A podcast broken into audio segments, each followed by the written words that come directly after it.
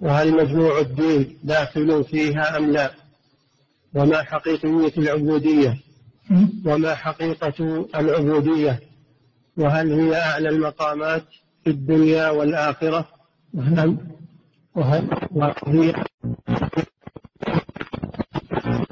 شيء من المقامات؟ فأجاب رحمه الله. الله الرحمن الرحيم. الحمد لله رب العالمين صلى الله وسلم على نبينا محمد وعلى آله وأصحابه أجمعين. العبادة كلمة عظيمة ومعنى جليل.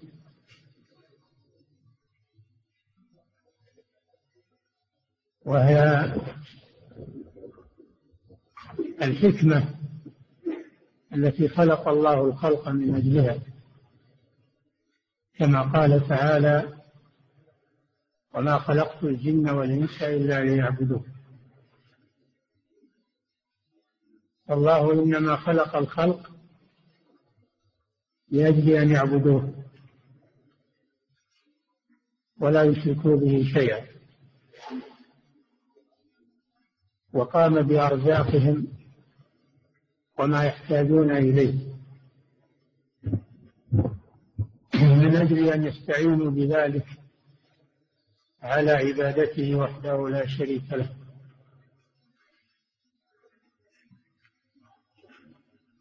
وأول آية وأول آية في المصحف يعني أول أول نداء أول نداء في المصحف قوله تعالى يا أيها الناس اعبدوا ربكم الذي خلقكم والذين من قبلكم لعلكم تتقون.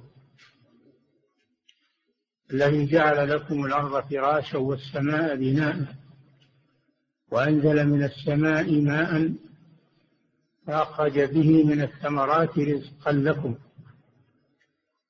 فلا تجعلوا لله أندادا وأنتم تعلمون. هذا أول نداء في المصحف الشريف من الله سبحانه لجميع الناس. لا يختص به أحد دون أحد. كل الناس مأمورون بعبادة الله. لا أحد يخرج عن هذا.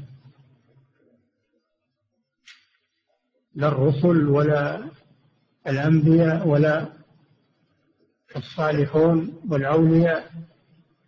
ولا عامة الناس. كلهم موجه إليهم هذا النداء. بل إنه نداء للناس مسلمهم وكافرهم جميع الناس. يا أيها الناس هذه كلمة جاء عامة لجميع الناس. اختلاف أصنافهم وأجناسهم وطبقاتهم لا أحد يخرج عن عبودية الله سبحانه وتعالى. لأنه هو الذي خلقهم ورزقهم فهو المستحق للعبادة دون ما سواه ممن لا يخلق ولا يرزق. فلما كانت العبادة بهذه المنزلة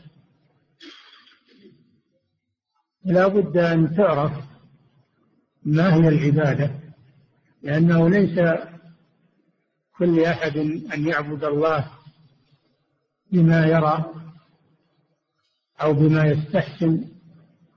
العبادة الصحيحة لها ضوابط شرعية ولهذا توجه السؤال عنها فسئل عنها شيخ الإسلام ابن تيمية رحمه الله وهو أولى من يجيب عن هذا السؤال العظيم لما أعطاه الله من العلم والفقه في دين الله والبصيرة النافذة. أوجه إليه هذا السؤال. أعد السؤال. سئل شيخ الإسلام أحمد بن عبد الحليم بن تيمية رحمه الله عن قوله عز وجل يا أيها الناس اعبدوا ربكم. نعم. فما العبادة؟ ما العبادة؟ لا بد أن يعرف ما هي العبادة. والله بين العبادة. بينها في القرآن الكريم ووضحها في الآيات والسور فما علينا إلا أن نأخذ العبادة من الكتاب والسنة. نعم. وما فروعها؟ وما فروعها وأنواعها لأن العبادة لها أنواع كما سيأتي.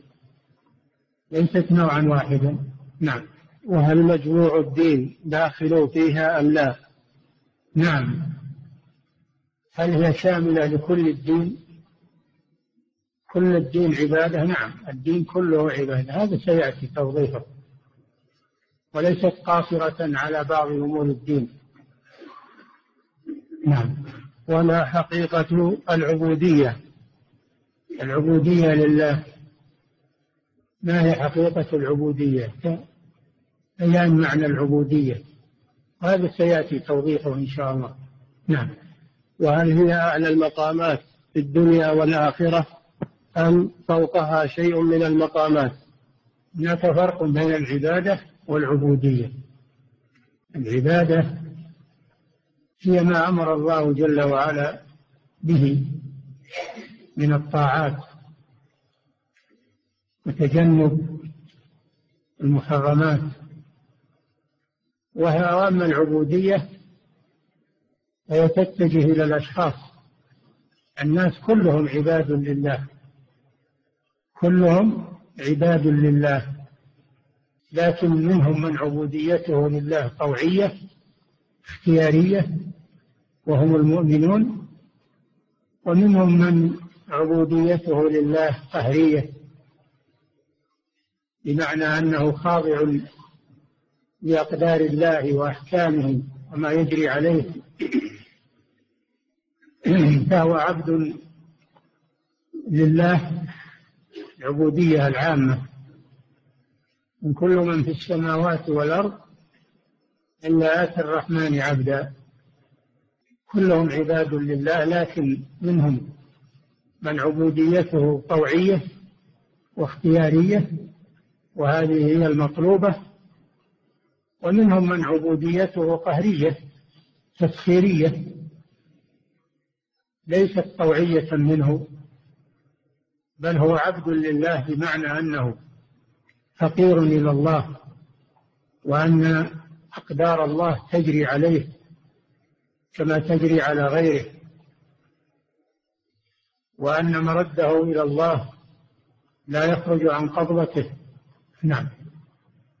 وما حقيقة العبودية وهل هي أعلى المقامات في الدنيا والآخرة؟ نعم يأتي جواب هذا أن العبودية هي أعلى المقامات ليس فوقها مقام من أمور الدين. نعم. أن فوقها شيء من المقامات وليبسط لنا القول في ذلك. فأجاب رحمه الله الحمد لله رب العالمين. العبادة هي اسم جامع لكل ما يحبه الله ويرضاه من الأقوال والأعمال الباطنة والظاهرة. نعم. هذا هو تعريف العبادة. أنها اسم جامع لكل ما يحبه الله ويرضاه من الأعمال والأقوال. من أعمال الجوارح وأعمال القلوب وأقوال الجوارح وأقوال اللسان. من أعمال الجوارح وأعمال القلوب ومن أقوال اللسان وأقوال القلب. فهي شاملة لكل ما يحبه الله ويرضاه. أما ما لا يحبه الله ولا يرضاه فليس هو عبادة. وإن تقرب به من تقرب إلى الله ما دام أن الله لا يحبه ولا يرضاه وضابط متى نعرف أن الله يحب هذا الشيء أو يرضى هذا الشيء؟ إذا أمر به. إذا أمر به وشرعه فإنه يحبه ويرضاه.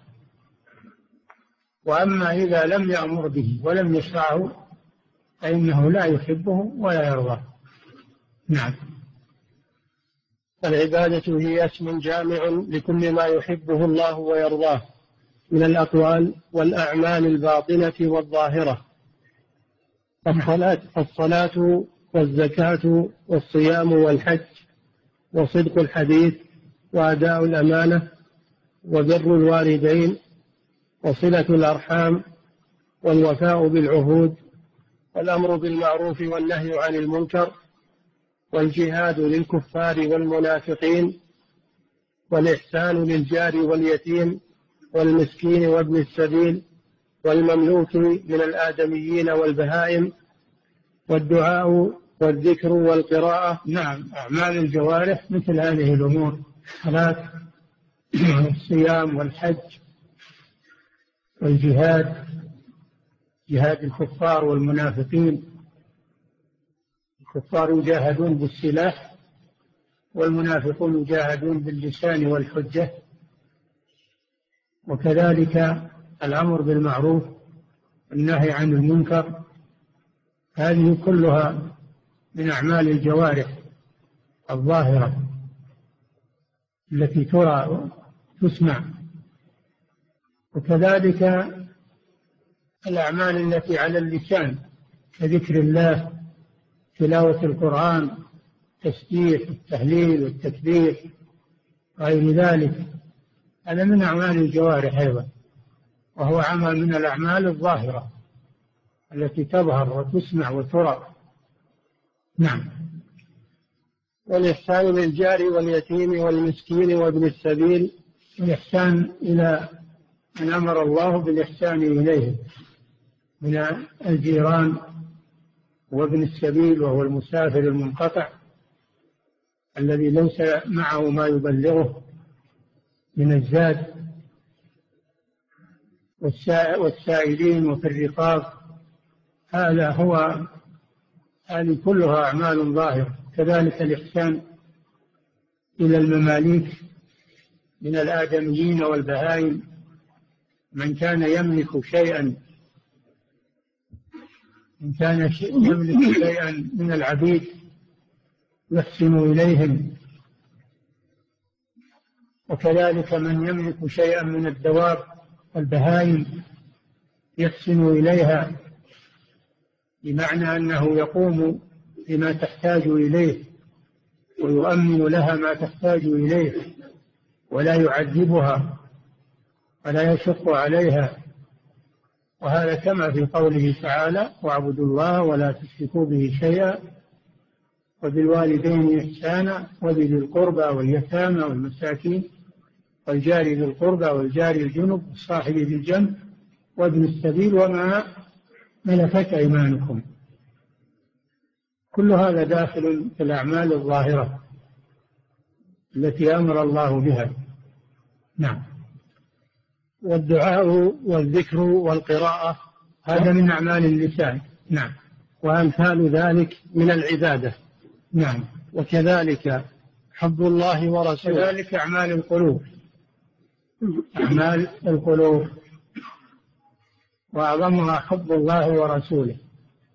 المحبة من أعمال القلوب. وهي المحركة على الطاعة والامتثال. نعم. وكذلك حب الله ورسوله وخشية الله خشية الله. الله جل وعلا هو الذي يخشى وحده. لم يقل خشية الله ورسوله لأن الخشية عبادة لا تكون إلا لله سبحانه وتعالى. نعم. والإنابة إليه إلى الله سبحانه وتعالى. الإنابة هي الرجوع والتوبة. نعم. وإخلاص الدين له إخلاص الدين لله عز وجل. إخلاصه من الشرك وإخلاصه من البدع. يعني يكون خالصا من الشرك وخالصا أيضا من البدع والمحدثات لأن الله لا يقبل إلا ما كان خالصا في وجهه وصوابا على سنة رسوله صلى الله عليه وسلم. نعم. والصبر لحكمه. الصبر لحكم الله سبحانه وتعالى. وهذا من أعمال القلوب. الصبر من أعمال القلوب. نعم. والشكر لنعمه. الشكر أيضا من أعمال القلوب. الشكر يكون بالقلب ويكون أيضا على الجوارح. يكون بالعمل. اعملوا آل داود شكرا. الشكر يكون بالقلب والاعتراف لله سبحانه وتعالى بالنعم والثناء عليه بها ويكون بالعمل بأن يصرف هذه النعم بطاعة الله عز وجل. نعم. والرضا بقضائه الرضا بقضاء الله سبحانه وتعالى. وإن كان الإنسان يكرهه ويتألم فإنه ما دام يعلم أنه من الله فإنه يرضى بذلك ولا يسخط ولا يجزع بقضاء الله وقدره. نعم. والتوكل عليه. توكل تفويض الأمور إلى الله جل وعلا. التوكل هو التفويض. تفويض الأمور إلى الله جل وعلا. والتوكل نوع عظيم من أعمال العباد. تعبده وتوكل عليه. نعم وعلى الله فتوكلوا إن كنتم مؤمنين. نعم. والرجاء لرحمته. نعم. والخوف هذا من أعمال القلوب. الخوف والرجاء من أعمال القلوب. نعم. والرجاء لرحمته والخوف من عذابه.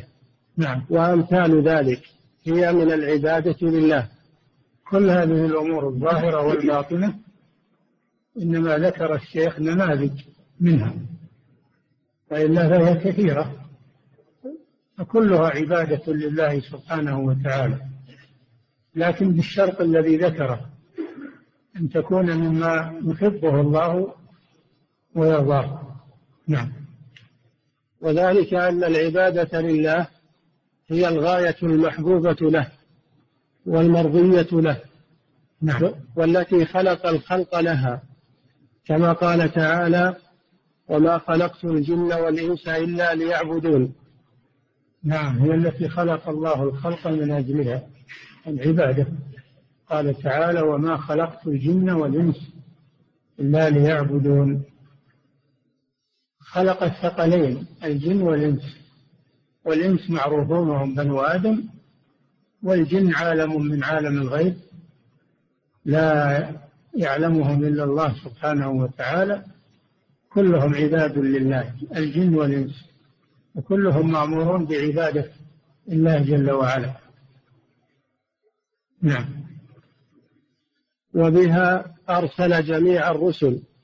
العبادة أرسل جميع الرسل يأمرون بعبادة الله. أولا خلق الخلق من أجلها. ولما كان الناس لا يعرفون أو لا يعلمون العبادة ما هي التي ترضي الله سبحانه وتعالى لم يكلهم إلى اجتهادهم ولا إلى ظنهم وإنما أرسل الرسل يبينون لهم كيف يعبدون الله سبحانه وتعالى. وأنزل الكتب أيضا لبيان عبادة الله جل وعلا. نعم. وبها أرسل جميع الرسل كما قال نوح لقومه اعبدوا الله ما لكم من إله غيره. وكذلك قال هود وصالح وشعيب وغيرهم. نعم. كذلك العبادة أمر أرسل الله بها جميع الرسل. ما مما يدل على هذا آيات كثيرة في القرآن. منها ما هو خاص بأنبياء بأسمائهم ومنها ما هو عام لجميع الأنبياء. ومن الخاص أن نوحا عليه السلام وهو أول الرسل قال لقومه اعبدوا الله ما لكم من إله غيره. اعبدوا الله هذا أمر. ما لكم من إله غيره هذا نهي عن عبادة غير الله سبحانه وتعالى.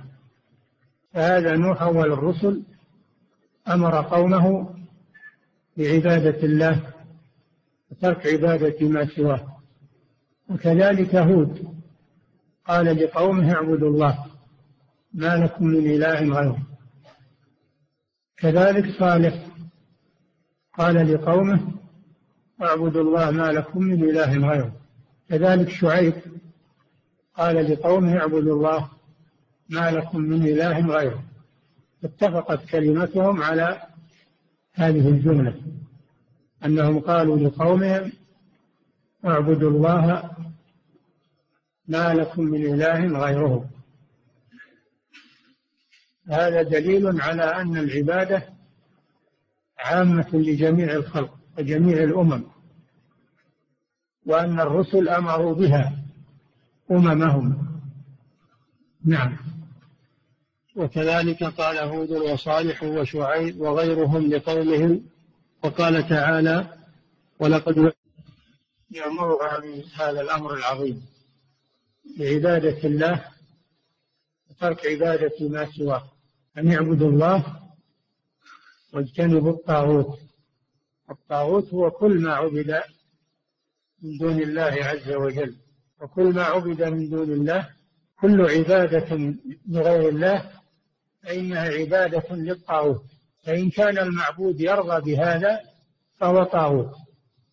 وإن كان لا يرضى بهذا كالأنبياء والرسل والأولياء والصالحين فهي عبادة للشيطان الطاغوت الذي هو الشيطان لأنه هو الذي أمر بها.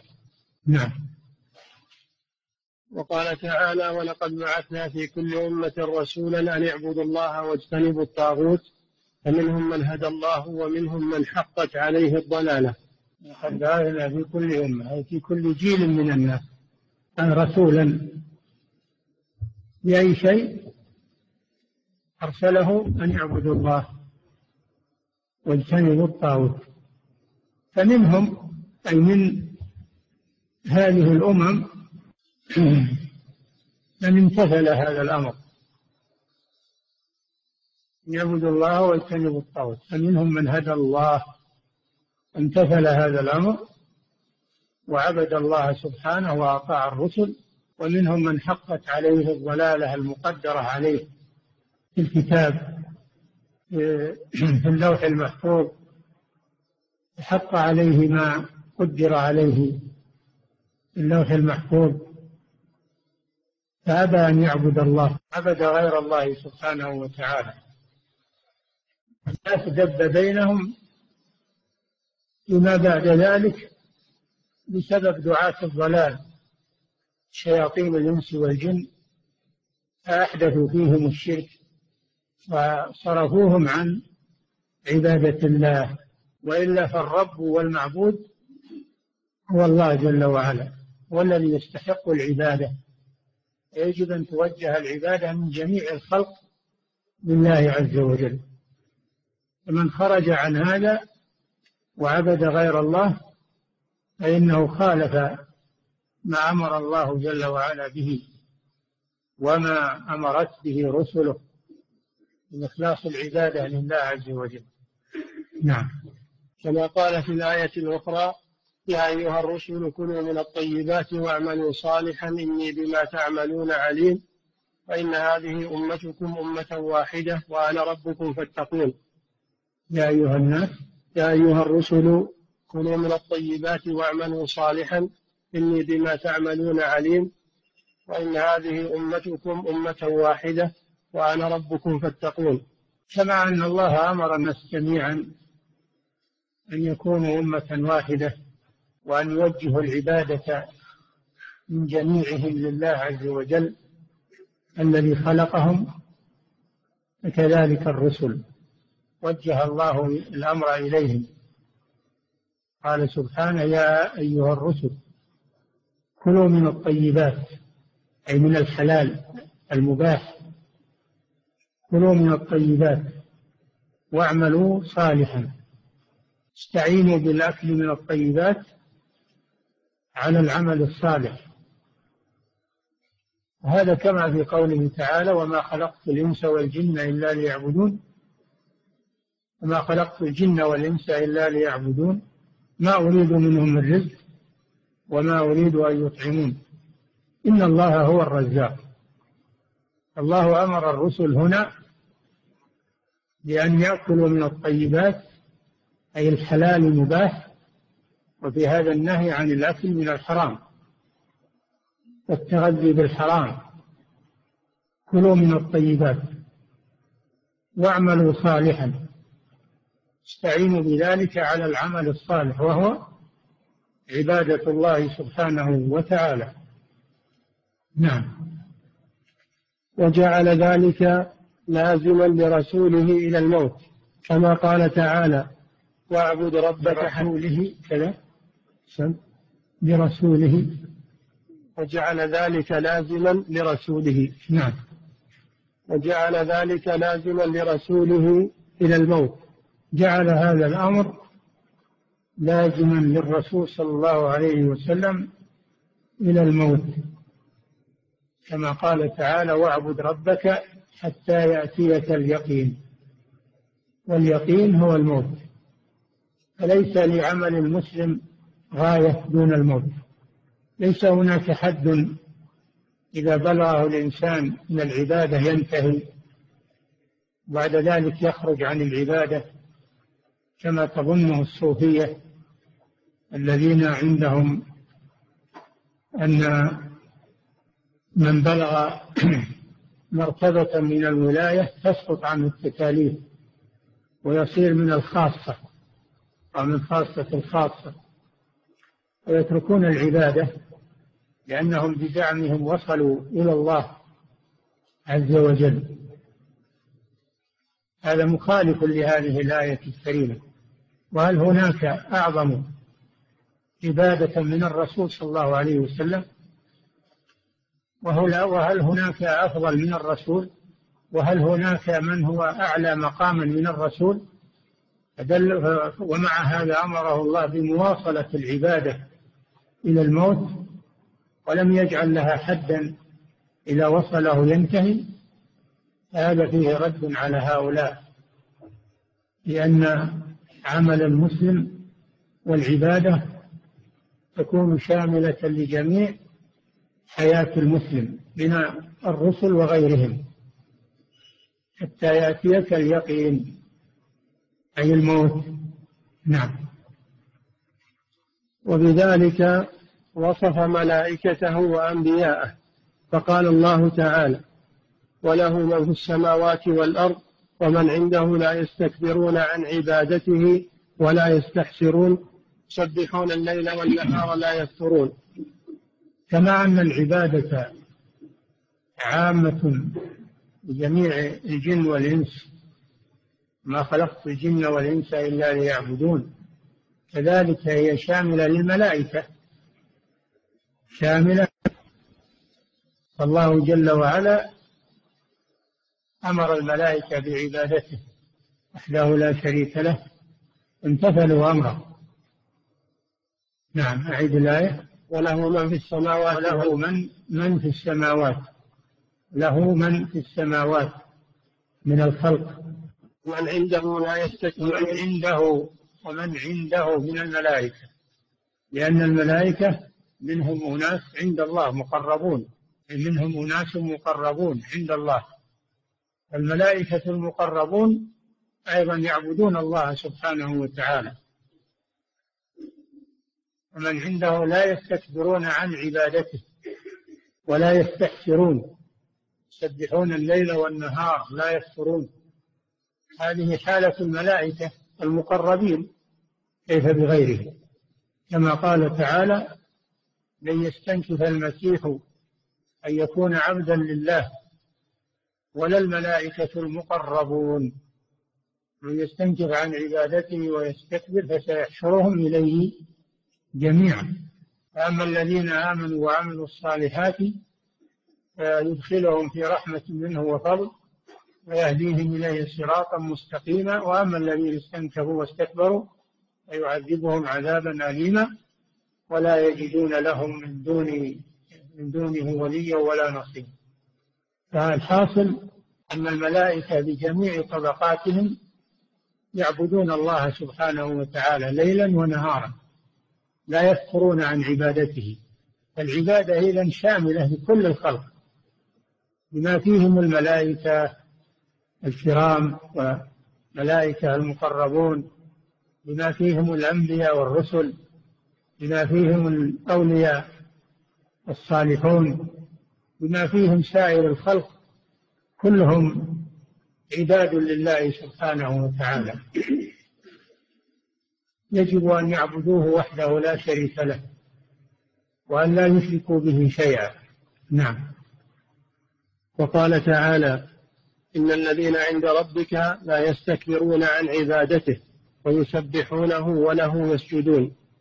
في آخر سورة الأعراف. إن الذين عند ربك وهم الملائكة المقربون لا يستكبرون عن عبادته. لا يقولون نحن بلغنا منزلة عند الله منزلة عالية فلا نحتاج إلى العبادة. لا يستكبرون عن عبادته ويسبحونه ينزهونه عما لا يليق به وله يسجدون يسجدون ينقادون ويخضعون إجلالا وتعظيما له سبحانه وتعالى. والسجود معروف.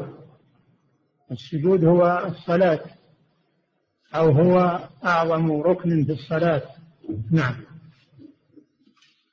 وذم المستكبرين عنها بقوله وقال ربكم ادعوني أستجب لكم إن الذين يستكبرون عن عبادتي سيدخلون جهنم داخرين.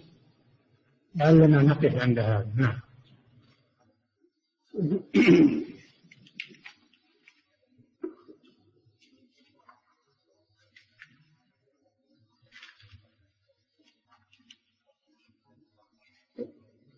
يقول فضيلة الشيخ وفقكم الله.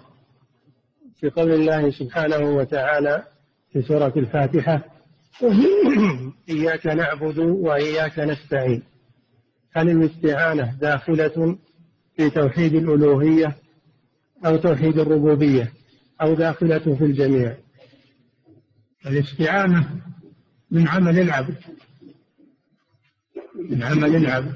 فهي داخلة العبادة وإنما عطفها عليها من باب عطف الخاص على العام لأهميته. إياك نعبد وإياك نستعين. وقوله إياك نعبد يدخل فيه الاستعانة ولكنه عطف الاستعانة خصها بالذكر من باب الاهتمام بها.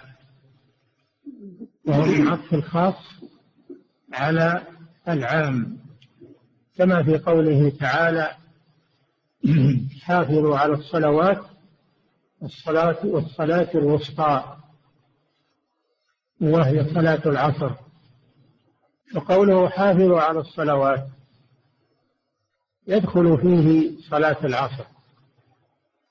ثم عطف صلاة الوسطى أو قوله تعالى حافظوا على الصلوات يدخل فيه الصلاة الوسطى ثم إنه خص الصلاة الوسطى بالذكر وعطفها فقال والصلاة الوسطى. فهذا من عطف الخاص على العام اهتماما به. نعم. وهي من توحيد الألوهية الاستعانة من توحيد الألوهية. نعم. يقول فضيلة الشيخ وفقكم الله في كتب الفقه تقسم إلى قسمين العبادات والمعاملات. كتاب النكاح هو من كتب المعاملات. هل هذا يعني أن النكاح ليس بعبادة. من باب أن كتاب النكاح من المعاملات؟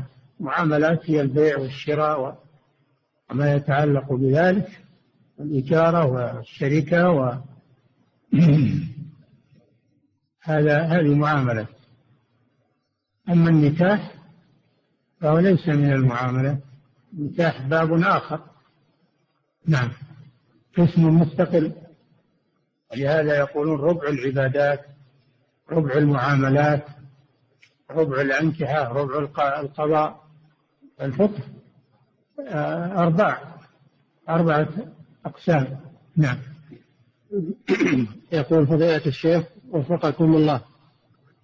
في قوله سبحانه وتعالى إن الذين عند ربك لا يستكبرون عن عبادته ويسبحونه وله يسجدون.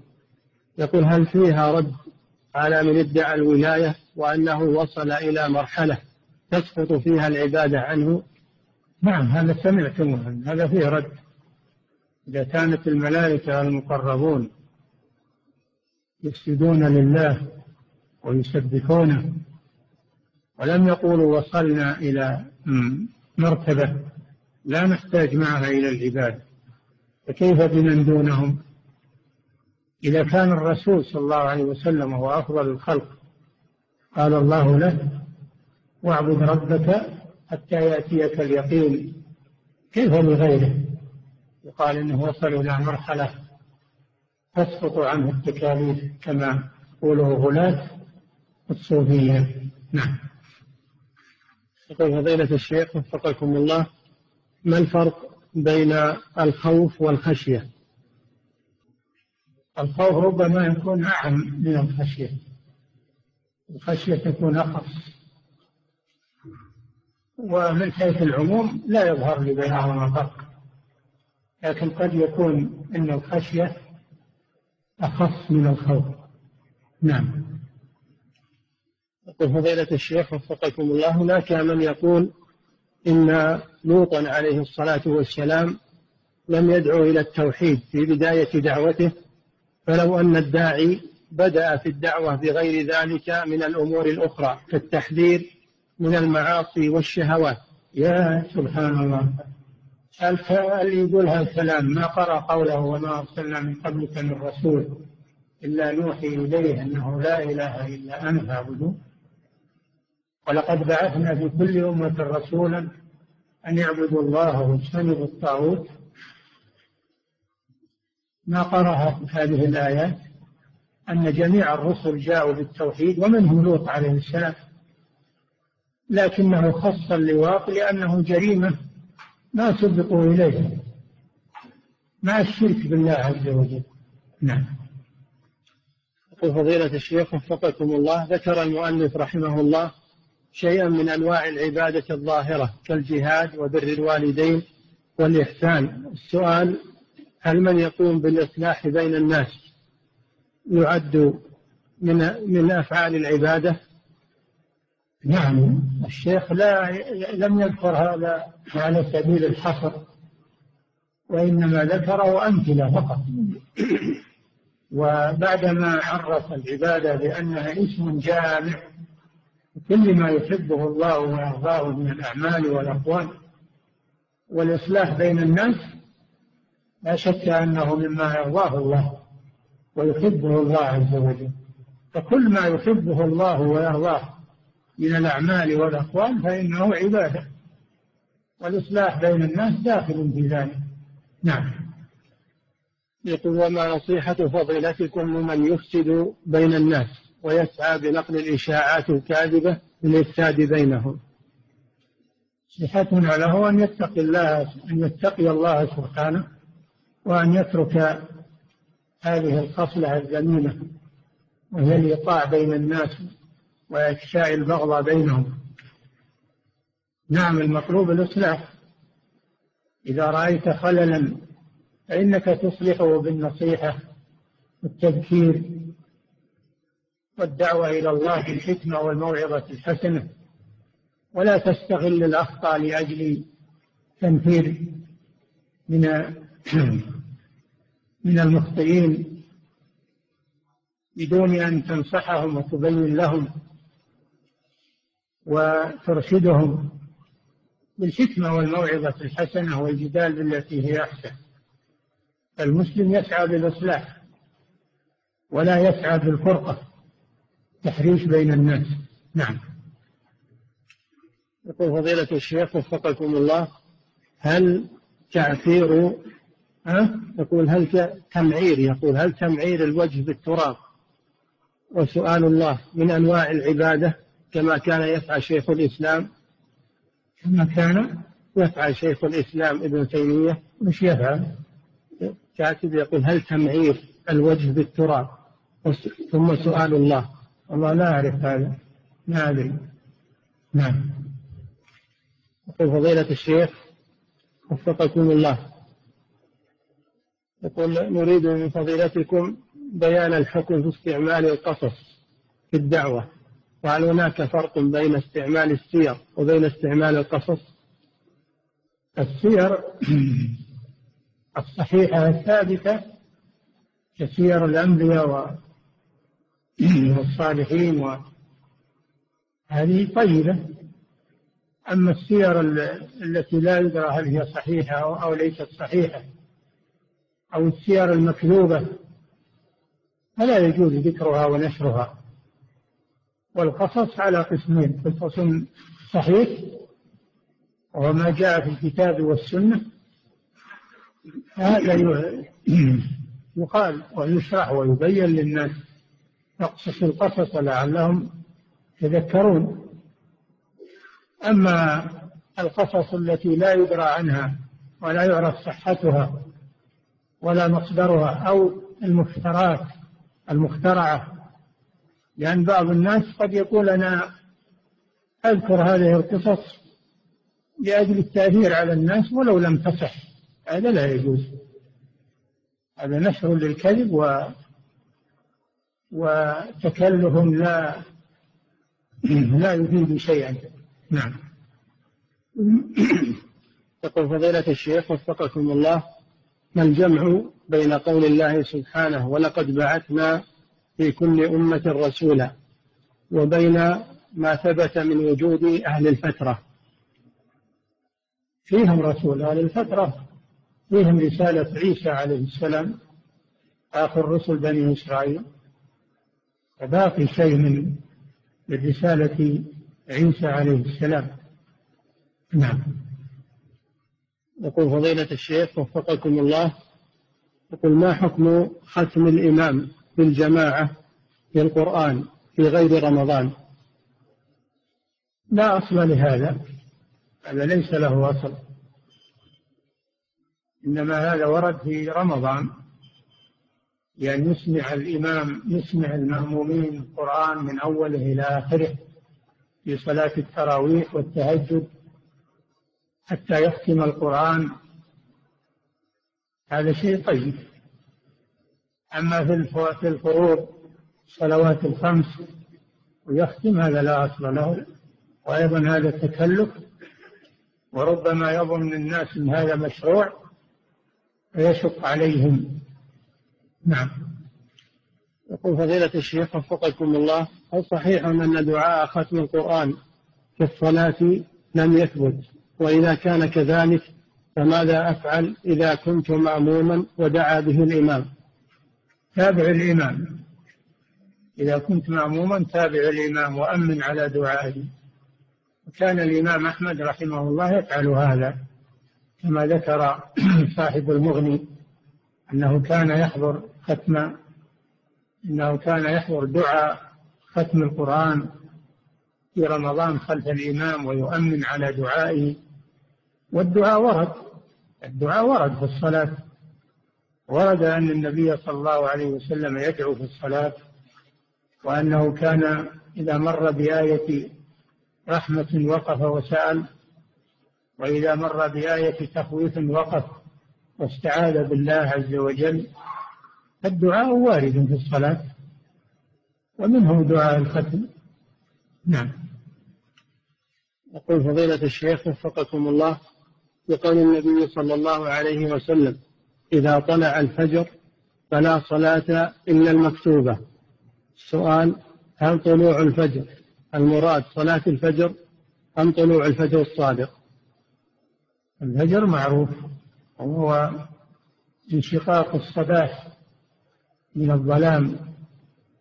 قال تعالى وكلوا واشربوا حتى يتبين لكم الخيط الأبيض من الخيط الأسود من الفجر ثم أتموا الصيام إلى الليل. المراد بطلوع الفجر طلوع الصباح وهو البياض المعترض في الأفق. هذا هو طلوع الفجر. وليس المراد الصلاة المراد انشقاق النور وظهور الصباح من الشرق نعم. يقول فضيلة الشيخ وفقكم الله إذا دخل المسلم المسجد قبل غروب الشمس بعشر دقائق مثلا أو أقل فما هو المشروع في حقه؟ الله هذه مسألة فيها خلاف قوي. من العلماء من أخذ بعموم إذا دخل أحدكم المسجد فلا يجلس حتى يصلي ركعتين. ومن العلماء من أخذ بعموم النهي عن الصلاة بعد العصر إلى أن تغرب الشمس وكل له وجهة نظر. فمن صلى فلا ينكر عليه ومن جلس فلا ينكر عليه. نعم. يقول فضيلة الشيخ وفقكم الله هل يشرع للإمام في صلاة التراويح والتهجد أن يقول للمأمومين قبل البدء في الصلاة صلاة القيام أثابكم الله. هذا إذا كانوا كثيرين متفرقين والمسجد واسع يمكن أما إذا كانوا عدد محصور وقليلين صف أو نصف صف فلا حاجة إلى أنهم هم يشوفون الإمام يشوفون. لكن لو صاروا مثلا في الحرمين الناس كثير ومتفرقون وبعضهم في الأدوار وبعضهم في السطوح. يحتاجون إلى التنبيه. نعم. يقول فضيلة الشيخ وفقكم الله بعض الأئمة في صلاة القيام يقرأ في ركعتي الشفع. يعني ما بعد راح رمضان إلى الحين. نعم. يقول بعض الأئمة في صلاة القيام يقرأ في ركعتي الشفع. من الآيات التي وقف عليها في الصلاة ولا يقرأ بالأعلى والكافرون بحجة أنه يريد أن يختم. فهل هذا سائغ؟ سائغ لا بأس. قال تعالى فاقرأوا ما تيسر منه أو ما تيسر من القرآن. هو سائغ لكن الأولى العمل بالسنة. هذا هو الأولى. العمل بالسنة هو أن يقرأ الأولى من الشبع سبح اسم ربك الأعلى وفي الثانية قل يا أيها الكافرون وفي الثالثة سورة الإخلاص. هذا هو الأولى والأفضل. وختم القرآن يزود يزود في التراويح يزود القراءة في التراويح يقرأ وجه يقرأ في كل ركعة بوجه من المصحف يقرأ في الركعتين ورقة يقرأ في الركعتين ورقة. وفي خمس تسليمات يقرأ نصف جزء وإذا كان يصلي عشر يقرأ عشر ورقات جزء كامل. وبهذه الطريقة إذا إذا مشى عليها من أول الشهر أمكنه أن يختم القرآن في آخر الشهر. نعم.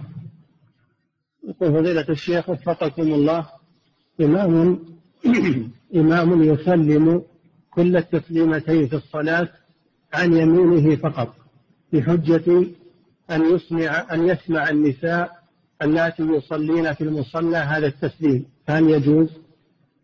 النساء ما يسمع إلا سلم عن اليمين فقط يسمع عن اليمين وعن الشمال فلا يهجر السنة علشان هذه. لا يهجر السنة من أجل هذه الدعوة والنساء مثل الرجال يسمع عن التسليم عن اليمين وعن الشمال. ولا يقتصر على تسليمة واحدة لأن هذا فيه خلاف. وبعض العلماء يبطل صلاته فلا فلا يترك التسليمة الثانية التي عليها العمل الثابتة عن الرسول صلى الله عليه وسلم. نعم.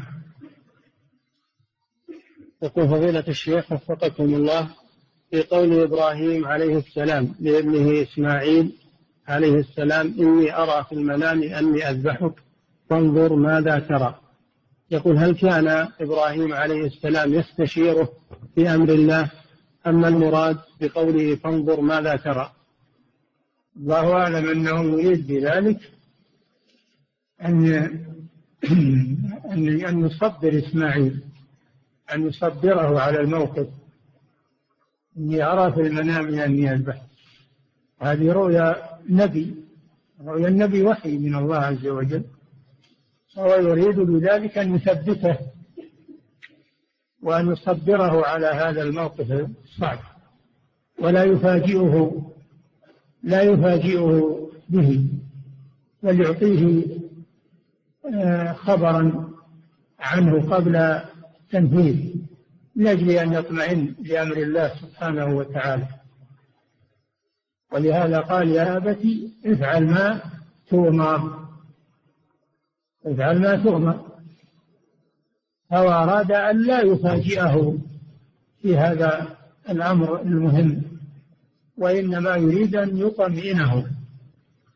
نعم وأن يبعث في نفسه اليقين. والتسليم لله عز وجل. نعم. ولهذا قال ستجدني إن شاء الله من الصابرين. لما طمأنه قال ستجدني إن شاء الله من الصابرين. ولو أنه فاجأه وأرجعه وذبح بدون أن يبين له السبب ما يحصل بهذا استغراب يعني أو يحصل بهذا روع. نعم. يقول فضيلة الشيخ وفقكم الله. امرأة تقول علي قضاء من شهر رمضان سبعة أيام. مدة الدورة الشهرية. تقول وبدأت بعد رمضان مباشرة بصيام الست من شوال. وأرغب في جعل القضاء الذي علي في أشهر قادمة في فصل الشتاء. فهل عملها صحيح؟ عملها صحيح لكن الأفضل والأحوط أنها تبدأ بقضاء رمضان. ثم بعد ذلك تصوم ست من شوال.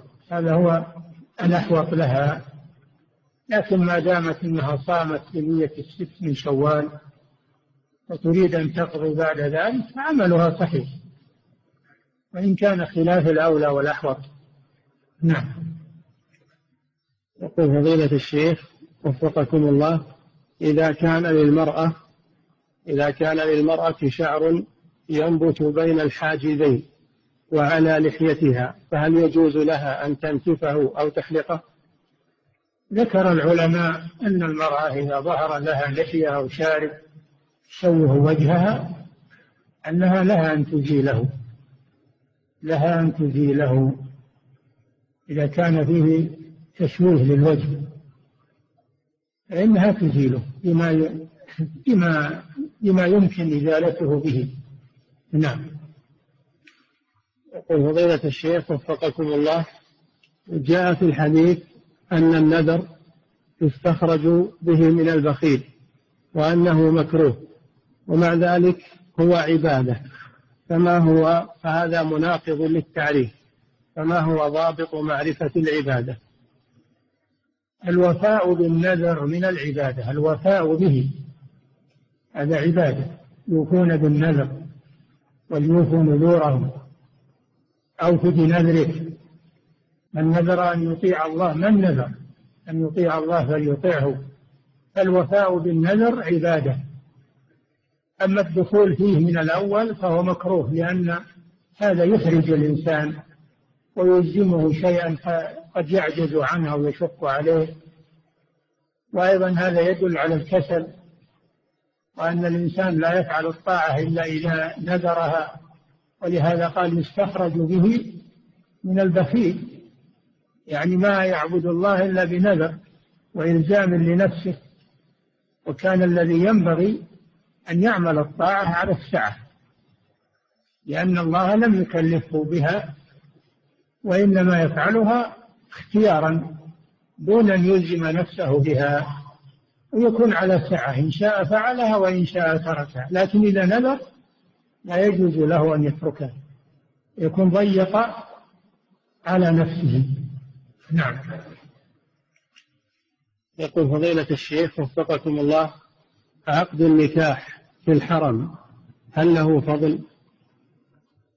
ليس له فضل. عقد النكاح في المسجد الحرام أو في سائر المساجد جائز ولا بأس به لكن ليس له فضل على عقد النكاح في مكان آخر.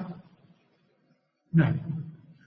يقول فضيلة الشيخ وفقكم الله هل يجوز تسمية المولودة باسم ملاك؟ لا يجوز هذا لأن ملاك معناها الملك. فكانت تقول هذه ملك من الملائكة. هذا لا يجوز. نعم.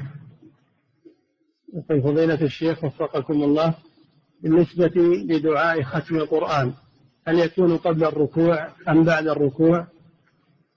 بعد قبل الركوع يكون بعد بعد الفراغ من قراءة القرآن بعد سورة الناس يكون في هذا الموطن ولا يكون بعد الركوع. إذا كان بعد الركوع صار قنوتا وفي فرق بين الختم ختم القرآن دعاء في فرق بين دعاء ختم القرآن ودعاء القنوت. فدعاء ختم القرآن مرتبط بالقرآن. عندما يخلص الإنسان من آخر سورة منه نعم. يقول هل يشرع مسح الوجه باليدين بعد أداء الدعاء؟ هذا محل خلاف نعم هذا محل خلاف جاءت أحاديث بالمسح على الوجه وجاءت أحاديث بترك المسح والأحاديث الواردة بالمسح ضعيفة. فإذا فعله الإنسان لا ينكر عليه وإذا تركه فهو أحسن. إذا ترك المس فهو أحسن. وإذا فعله لم ينكر عليه نظرا لما ورد فيه من الأحاديث التي قالوا إنها وإن كانت ضعيفة يعضد بعضها بعضا تدل على الاستحباب. نعم. فضيلة الشيخ وفقكم الله هناك من الذين يرقون الناس من يقوم بكتابة الرقية من الآيات بالزعفران ويضعونها بمضاريف ثم يبيعونها في المحلات. فهل هذا الفعل جائز شرعا؟ نعم هذا كتابة القرآن في صحون أو في أواني طاهرة أو على أوراق ثم تذاب في الماء وتشرب. هذا من الرقية الجائزة. وقد رخص فيه الأئمة الإمام أحمد وابن القيم وغيره. ذكر هذا ابن القيم في زاد المعاد في كتاب الطب من زاد المعاد في باب الرقية. نعم. فلا بأس به. بس المهم أنه ما يكتب غير الآيات القرآنية. ما يدخل معها أشياء مجهولة. نعم. فضيلة الشيخ وفقكم الله رتب الشارع الأجر على بعض الأعمال من الثواب في الدنيا كإطالة العمر لمن وصل رحمه وحفظ المال وزيادته لمن تصدق. يقول هل إذا عمل الشخص هذه الأعمال بقصد الحصول على الثواب في الدنيا والأجر من الله يكون ممن أراد بعمله الدنيا؟ إذا كان قصده بالعمل الدنيا فقط فلا يجوز هذا. أما إذا قصد بعمله الآخرة وما وعد الله به في الدنيا يعني جمع بين الأمرين. إذا قصد الأمرين نفع الدنيا ونفع الآخرة فلا بأس بذلك. ربنا آتنا في الدنيا حسنة وفي الآخرة حسنة وقنا عذاب النار. إنما الممنوع إذا قصر همه على الدنيا فقط. من الناس من يقول ربنا آتنا في الدنيا وما له في الآخرة من خلاق. نعم. يقول فضيلة الشيخ وفقكم الله امرأة تسأل تقول إن ابنتها قد تزوجت ووضعت لها حفلا وبعد شهر من الآن تريد أن تضع ما يسمى بالزوارة تقول ويكون فيها ضرب بالدف ورقص للنساء فهل الضرب بالدف في هذا الوقت يعد مباحا؟ لا ضرب الدف إنما هو ليلة الزفاف لإعلان النكاح أما عمل الدف الزوارة كما يسمونه هذا لا يجوز لأنه فاتت مناسبته التي شرع من أجلها وهي إعلان النكاح ليلة الزفاف. نعم. يقول فضيلة الشيخ وفقكم الله إذا كنت أعلم عن رجل أنه تقي وورع فهل يجوز أن أقول اللهم إني أسألك بفلان أن تغيثنا؟ لا لا يجوز التوسل بالمخلوق. لا يجوز التوسل بالمخلوق هذا شيء درستموه في التوسل والوسيلة. التوسل بالمخلوق لا يجوز. نعم. إنما التوسل بالأعمال الصالحة أو بأسماء الله وصفاته هذا هو المشروع. نعم. نعم. يقول فضيلة الشيخ وفقكم الله. كيف الجمع بين قوله سبحانه وإن من أمة إلا خلا فيها نذير وبين قوله تنذر قوما ما أتاهم من نذير من قبل لعلهم يهتدون. يعني العرب العرب ما بعث فيهم رسول بعد إسماعيل ما بعث في العرب رسول لكن كانوا على أديان الأنبياء السابقين. كانوا يعبدون الله على أديان الأنبياء السابقين من بني إسرائيل نعم فضيلة الشيخ وفقكم الله إذا قمت للفجر والإمام في آخر الركعة الثانية وغلب على ظني أني لن ألحق بالجماعة فهل يجب فهل تجب علي الجماعة والحال هذه؟ نعم ما دام لم تفرغ الجماعة ما أنت تذهب إلى المسجد. ربما تجد ناسا مثلك فاتتهم الصلاة صلي معهم جماعة. اذهب إلى المسجد. أو أحد منهم يقوم ويصلي معك. اذهب إلى المسجد. نعم. يقول فضيلة الشيخ وفقكم الله هل يجوز لي الحج؟ هل يجوز لي الحج وعلي دين؟ إذا كان عندك مال واسع يسدد الدين ويقوم بنفقة الحج فلا مانع. أما إذا كان المال اللي عندك قليل ما يكفي إلا للدين فإنك لا تحج. بل تبدأ بالدين أولا. نعم. فضيلة الشيخ وفقكم الله امرأة في بادية بعيدة خارج المملكة تقول إنها كانت تصوم رمضان في أيام حيضها. منذ سنوات عديدة ولما جاءت إلى المملكة علمت بالحكم الشرعي فهل عليها قضاء عن السنوات الماضية أم تعذر بجهلها؟ لا ما تعذر. ما دام علمت أيام الحيض قليلة تحصي الأيام التي صامتها في الحيض تقضيها هذا ليس صعبا عليه. نعم. يقول فضيلة الشيخ وفقكم الله امرأة نذرت إن عافاها الله من مرضها أن تصوم لله شهرا وهي كبيرة بالسن ولا تستطيع الصيام فماذا عليها؟ كيف تنذر وهي تعلم أنها ما تستطيع؟ كيف تنذر وهي تعلم أنها لا تستطيع؟ على كل حال إن استطاعت أن تفيد النذر يجب عليها وإن لم تستطع لا يكلف الله نفسا إلا وسعها تكفر كفارة يمين. نعم. يقول فضيلة الشيخ وفقكم الله هل يجوز صيام الست في غير شوال؟ لا. النبي صلى الله عليه وسلم قال من صام رمضان وأتبعه ستا من شوال من شوال. فلا يجزي أن يصومها من غير شوال. نعم. يقول فضيلة الشيخ وفقكم الله شخص عليه قضاء من رمضان فشرع في صيامه. فشرع في صيام هذا اليوم وكان ممسكا إلى بعد إلى بعد صلاة الظهر. ثم أفطر بسبب قدوم قريب لنا فقال لا بد أن أكرمه وسأقضي هذا اليوم.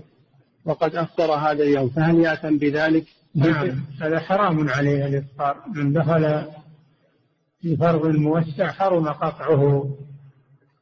لو دخل في قضاء رمضان لا يجوز يقطعه فهو أخطأ في هذا.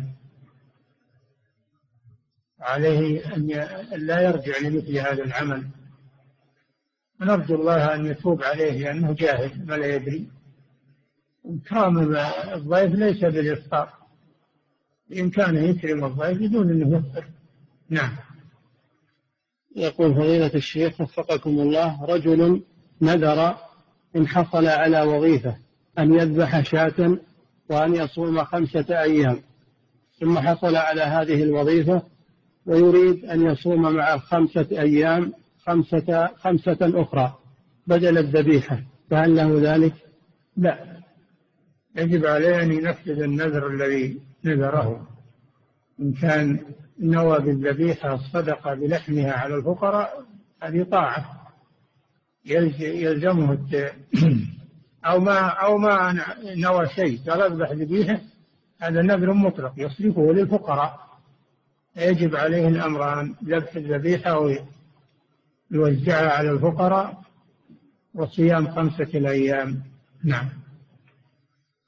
يقول فضيلة الشيخ وفقكم الله هل السنة في الصلاة على الميت في المقبرة أن تكون قبل وضعه في القبر أو تكون بعد الدفن. ما دام أنه لم يدفن صلى عليه قبل وضعه في القبر. أما إذا وضع في القبر فلا يخرج من أجل أن يصلى عليه بل يدفن ويصلى عليه على القبر. أما ما دام أنه ما نزل إلى القبر يصلى عليه خارج القبر. نعم. يقول فضيلة الشيخ وفقكم الله أسمع كثيرا كلمة الولي أو الأولياء. فما المقصود بالأولياء؟ وهل يوجد منهم أحد في هذا العصر يشهد له بالولاية؟ الولي هو القريب.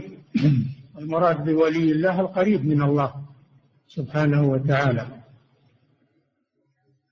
ونحن لا نشهد لأحد بالولاية إلا بدليل لكن نرجو نرجو للمحسن ونخاف على المسيء. هذه عقيدة أهل السنة والجماعة أنهم لا يشهدون لأحد إلا بدليل من الكتاب والسنة ولكنهم يرجون لأهل الخير ويخافون على أهل الشر.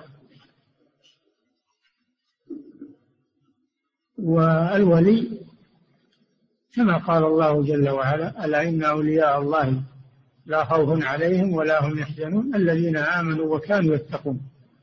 وكل مؤمن تقي فهو ولي لله عز وجل. تكون الولاية ولاية قوية أو تكون ولاية متوسطة أو ضعيفة على حسب عمله. نعم. فضيلة الشيخ وفقكم الله الاستمناء هل يبطل الصوم؟ وإذا كان يبطله فما كفارة ذلك؟ نعم الاستمناء حرام حتى في غير الصوم لا يجوز. الصوم يبطل الصيام يصير فعل محرما وبطل وبطل صيامه إذا خرج منه شيء بسبب الاستمناء إذا خرج منه شيء دفق منه مني فإنه يبطل صومه عليه التوبة إلى الله وقضاء هذا اليوم. ولا يعود لمثل هذا؟ نعم. يقول فضيلة الشيخ وفقكم الله الأخذ من اللحية أو تقصيرها هل يعد من المعاصي؟ نعم. اللحية لا يؤخذ منها. تترك كما هي. ترسل وتكرم وتعتى ولا يتعرض لها. هذه سنة الرسول صلى الله عليه وسلم في اللحية. وفي الأحاديث الصحيحة الواردة عن النبي صلى الله عليه وسلم. الأمر بإعفائها وإرسالها وإكرامها وتوفيرها وعدم أخذ شيء منها. نعم. يقول فضيلة الشيخ وفقكم الله من نذر نذرا. فهل يجوز له أن يأكل من هذا النذر؟ حسب نيته إن كان نوى أو تلفظ لأنه يأكل منه فلا بأس. أما إذا لم ينوي ولم يشترط أنه يأكل منه فلا يجوز له أن يأكل منه. نعم. يقول فضيلة الشيخ وفقكم الله هل يجوز للمرأة أن تنظف ابنها البالغ وأن تكشف عن عورته؟ وذلك لأنه مجنون نعم لكن تضع شيء ساترا لعورته تدخل يدها ملفوفة بخرقة أو أو بدسوس في يدها تدخل يدها من تحت الستارة وتنظف عورته. الله يعينها. نعم. يقول فضيلة الشيخ وفقكم الله توفي شخص رحمه الله ليلة السابع والعشرين من رمضان. أو يوم السابع والعشرين من رمضان وهو صائم. فهل الوفاة في شهر رمضان لها مزية؟ يرجى له ذلك إن شاء الله. في رمضان وهو صائم يرجى له الخير إن شاء الله. نعم. يقول فضيلة الشيخ وفقكم الله من كان عليه قضاء من رمضان وعندما شرع في القضاء جامع زوجته هل عليه كفارة شهرين متتابعين؟ أم عليه القضاء فقط؟ عليه التوبة إلى الله لأن هذا حرام. قطع القضاء حرام. وعليه قضاء اليوم. أما الكفارة فليس عليه كفارة. إنما هذا في صيام رمضان. نعم. يقول فضيلة الشيخ وفقكم الله يسأل عن الطلاق والرجعة. يقول رجل طلق زوجته طلقتين. ثم قبل أن تنتهي العدة بيوم أو يومين أتى بشاهدين في البيت وكتب أنه أرجعها. فهل هذه تعد رجعة؟ يراجع المحكمة يراجع القاضي ويعرض عليه الورقة أو يحضر الشاهدين والقاضي يشوف إن شاء الله. نعم. أو يذهب لدار الإفتاء. نعم. يقول فضيلة الشيخ وفقكم الله رجل صام في المملكة. ثم سافر إلى بلده في الهند قبل نهاية رمضان فيكون قد صام أكثر من ثلاثين يوما إحدى وثلاثين يوما. يقول وهو قد أفطر قبل ذلك يوما. هل يعتبر هذه الزيادة عن اليوم الذي أفطره؟ لا. يقضي اليوم الذي أفطره. نعم. يقول فضيلة الشيخ وفقكم الله أنا مدرس لمادة التفسير في المرحلة المتوسطة ومنهجهم يحتوي على كلمات كثيرة. فهل يباح لي أن أحدد لهم بعض الكلمات المهمة في الدرس؟ لا. عليك أن تدرس المنهج كله ولا تلقي منه شيئا. نعم. يقول فضيلة الشيخ وفقكم الله الحيوانات غير الناطقة والحشرات هل يقال بأنها موحدة لله وأنها تعبد الله الله أعلم بذلك. نعم. يقول فضيلة الشيخ وفقكم الله في قوله صلى الله عليه وسلم فإن الله لا يمل حتى تملوا. هل يؤخذ من هذا صفة من صفات الله؟ لا. يقال لفظ الحديث يورد لفظ الحديث لا يمل حتى تملوا. ولا يقال إن الله يمل. هذا من باب المقابلة. الذي لا يجوز انه يحلف بعض الكلام ويجاب بعضه. يسخرون منهم سخر الله منهم. يقال إن الله يسخر؟ ويقال بل يقال إن الله يسخر ممن يسخر من عباده ويستهزي بمن يستهزي بعباده. يذكر الأمران. لأن يعني هذا من باب الجزاء والمقابلة. نعم. يقول فضيلة الشيخ وفقكم الله من جمع الظهر والعصر جمع تقديم.